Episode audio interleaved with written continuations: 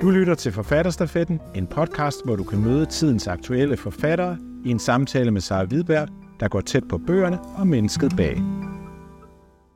For 25 år siden, der skrev jeg øh, min første bog om Tove Ditlevsen, øh, Til døden og skiller. Og øh, den tog jeg frem for et år siden, fordi et udenlandsk forlag spurgte, om den ikke kunne oversætte til engelsk. Jeg tog den frem, læste den øh, igen og blev egentlig lidt chokeret. Øh, var slet ikke tilfreds med den på mange måder. Og det skyldtes både, at jeg selv er et andet sted i mit liv. Jeg er blevet 25 år ældre og blevet en anden læser, måske også tekstlæser. Øh, og så skyldtes det helt sikkert også, at der er sket så ufattelig mange ting med Tove Ditlevsen. Synet på hende, vores syn på kvinder, kvindens syn på sig selv, hele MeToo-bevægelsen. Alt har rykket sig til en ny og bredere og dybere forståelse af Tove Ditlevsen end nogensinde før. Så jeg tænkte, det må jeg, øh, øh, det må jeg på en eller anden måde ind i igen. Og så fandt jeg ud af den, og det er faktisk en anden begrundelse for, hvorfor jeg har taget hende op, at rigtig, rigtig, rigtig gode forfattere, dem har man med sig gennem hele livet. Og det er gået op for mig, at Tove Ditlevsen er en af de helt store i dansk litteratur, som vi har med os gennem hele livet. Vi læser hende som ung og bliver betaget af hendes kærlighedsdigte. Vi læser hende måske som øh, modne, midalderne mennesker og, og får øje på nogle nye digte, nye tekster. Og så tager man hende op som jeg, 6-67 år gammel, og, og får øje på noget helt nyt igen. Og det er, det er for mig øh, helt øh, fantastiske ved hende, at hun kan, vi kan have hende med os gennem hele livet som, som læser. Og hun taler til alle generationer, det var også ret fantastisk. Det gør hun, og hun taler til begge køn, selvom det oftest jo er blevet uh, som sagt, at det er mest kvinder, der læser mm. Tove Ditlevsen, så er der ufattelig meget at hente for mænd også i hendes forfatterskab.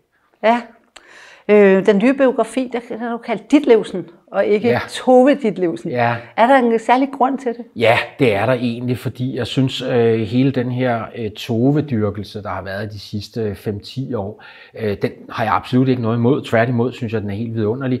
Men vi er måske også kommet lidt for meget på fornavn med hende. Øh, mm. Jeg synes, at man især som biografiforfatter, Øh, skal der være en armslængde også. Man må gerne gå tæt på, men der skal også være en armslængde, som både har med en helt naturlig respekt at gøre øh, over for personen og over, over for værket. Så, så jeg vil gerne ligesom på den ene side vil jeg gerne ufattelig tæt på hende, mere tæt end jeg nogensinde har været før, tror jeg, i min læsning mm. af hende. Men samtidig vil jeg også gerne i selve formidlingen lade det fremgå, at der var en afstand mellem øh, mig og hende. Hun skulle have lov til at tale mest muligt i den her bog. Ja. Jeg er lidt nysgerrig, når man nu tilbringer så meget tid med, med et menneske. Kan du egentlig, altså hvordan har du det med hende? Sådan, kan du lide hende?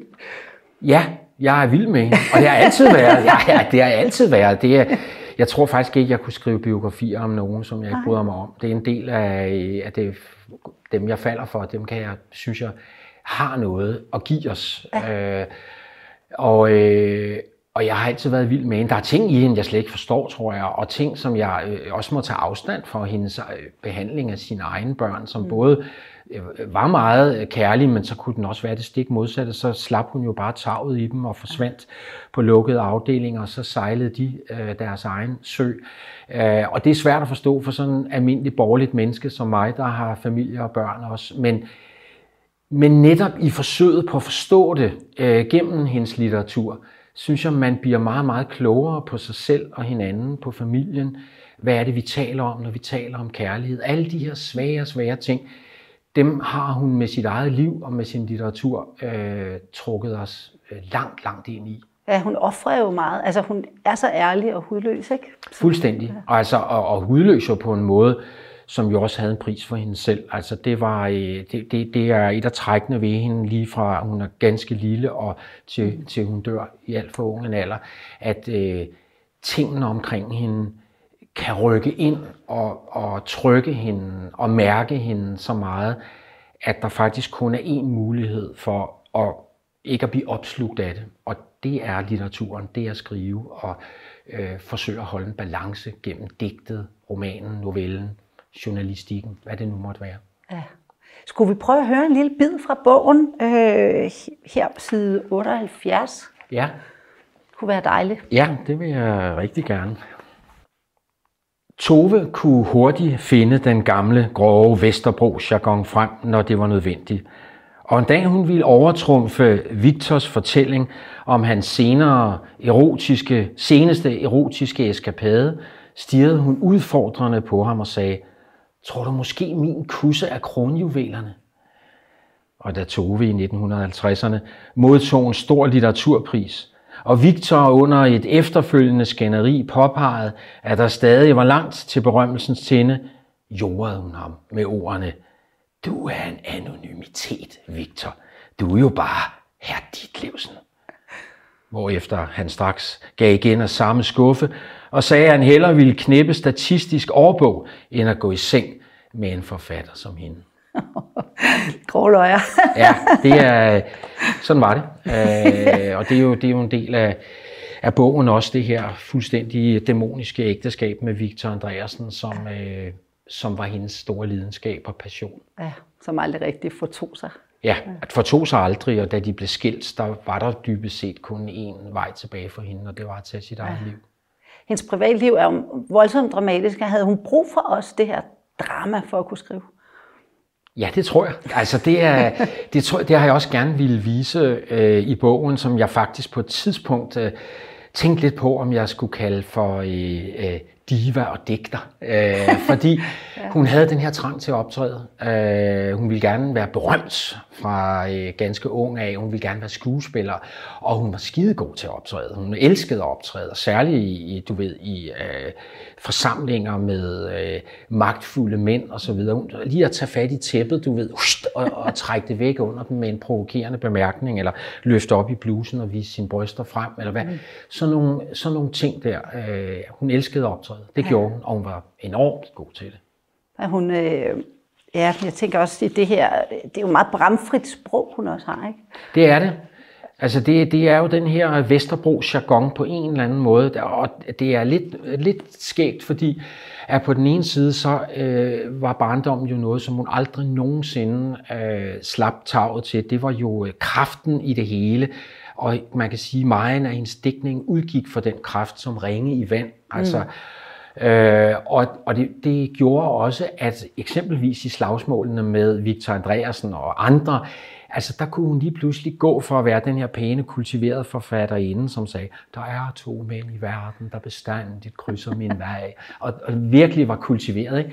Og så blev hun bare rå og vulgær og simpelthen, og, og gav den øh, gas. Altså, øh, og det var fordi, at barndommens skade sad i hende. Ikke? Altså det dejlige, lange, gamle digt der, barndommens mm. skade, hvor midterdelen er barndommens stemme, som siger, det er mig, der har slået dig til jorden for at gøre dit hjerte hårdt. Ikke? Det er mig, der har lært dig hårdhed og spot, og, og jeg gav dig de vagtsomme øjne. Og, sådan noget. Mm. og det er jo fuld, altså det skrev hun i 1942 i en ganske ung alder, men det er sandheden gennem hele hendes liv, altså at barndommens skade sad lige inde under huden. Og pludselig så sprang den frem og også det der øh, barske Vesterbro-sprog. Meget barske, rå, vulgære. Sådan var øh, Hedebygade, øh, Istegade-kvarteret jo i 20'erne og 30'erne. Det var øh, arbejderkvarter af den mest brutale øh, skuffe, altså med, med arbejdsløse, prostituerede, alkoholiserede, meget sørgelige skæbner. Ja. Øh, og det, øh, det, det lavede hun aldrig fra sig.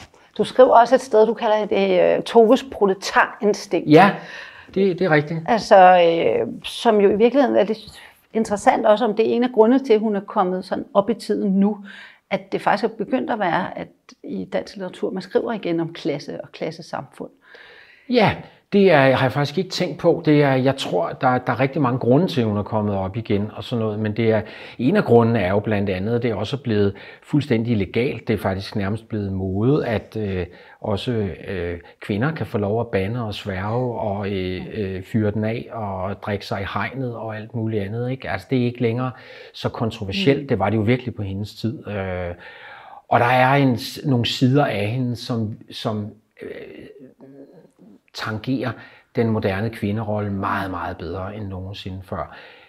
Øh, om, om øh, det med klassemodsætningerne også hører ind, det, det, det er nok noget, jeg skal tænke lidt over i virkeligheden. Jeg, jeg har tænkt mere på, at jeg tror, at hun er blevet så populær igen, også jo internationalt blevet så populær, fordi vi også har fået den her anerkendelse af autofiktion i dag. Altså i, i, på Toves tid hed det jo selvbiografi, slet og ret. Øh, men, øh, og der, der, der blev det jo ikke regnet for stor kunst. Det var sådan noget at skrive om køkkenet og børneværelset, og det var, øh, altså det, det var en, derfor havde hun dårlig kår i modernismen i 60'erne. Ikke? Men i dag, der kan vi se storheden og kunsten i det, og tager man fat i en bog, som man har gjort i udlandet, som barndommen, øh, barndom og ungdom øh, og, og, øh, og gift, altså de tre erindringsromaner, jamen så øh, bliver de jo læst som de kunstværker, de er. Øh, virkelig fantastisk prosa øh, på mange måder.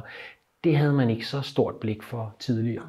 Den der selvisensættelse og ja, det er jo faktisk hypermoderne, nogle af hendes bøger. Ikke? Absolut. Altså, og det er det, som jeg rigtig gerne har ville med, med min bog, og øh, er jo også, som det sådan set er med alle mine biografier, jeg vil gerne øh, om forfattere, jeg vil gerne vise læserne videre til værkerne selv, til forfatteren selv, og jeg, jeg har i Metode Ditlevsens tilfælde super gerne vil sige, jamen, hendes digte er virkelig noget helt centralt, og det samme er også altså lyrikken og prosaen.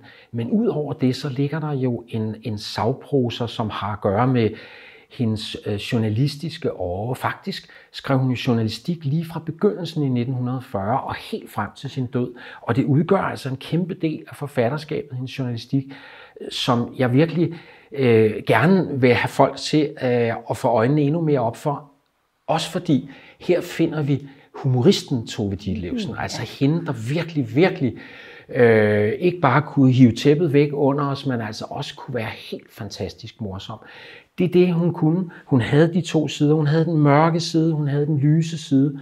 Og, og den der humor, den er altså så livsbekræftende, og for hende selv var den, tror jeg, virkelig et overlevelsesmiddel også i, øh, i det hårde liv, hun havde. Hun havde hele tiden humoren, hun kunne, hun kunne gribe lidt til, og hun bruger den i sin journalistik. Alle de der klummer i Ekstrabladet og BT og alt for damer. Vidunderlig læsning. Ja. Jamen det er rigtigt. Hun har jo begge dele. Ikke? Det dybe, mørke, triste ja.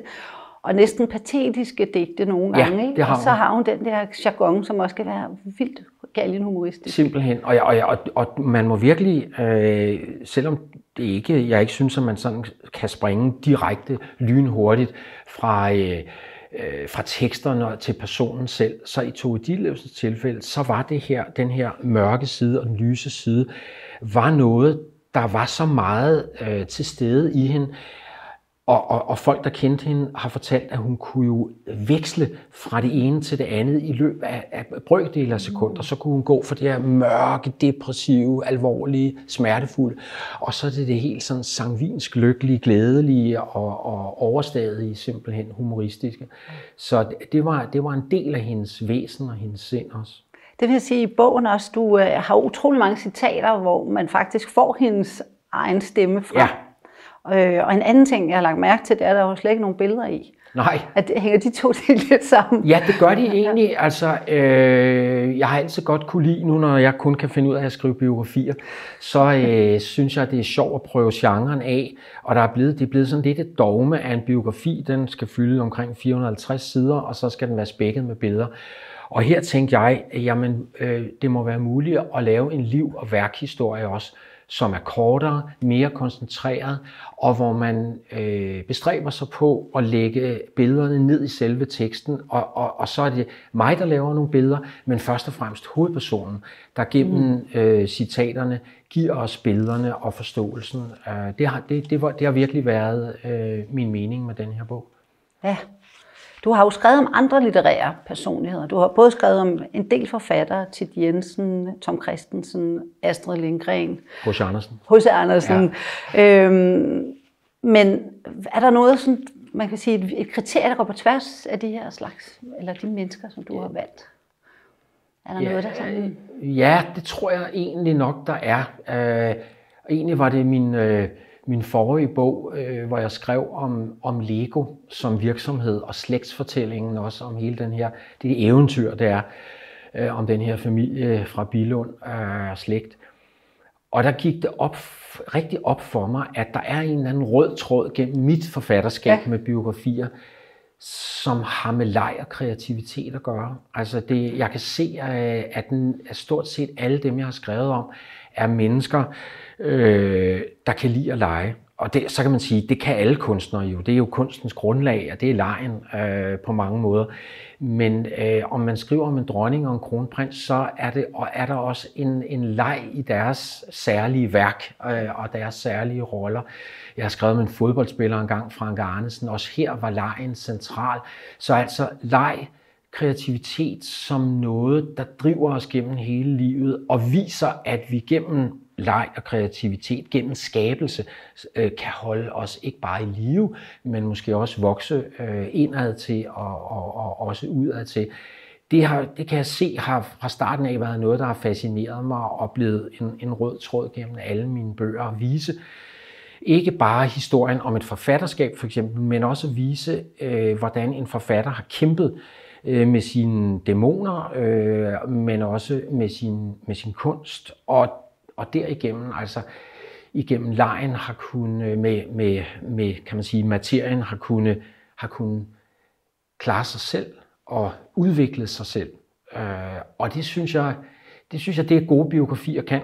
Den gode biografier stiller et spejl op foran os. Viser os ikke en til en og siger, øj, det er mig, og jeg er H.C. Andersen. Øh, der er noget i H.C. Andersen, der måske er mig, og så er der en masse ved H.C. Andersen, som absolut ikke er mig.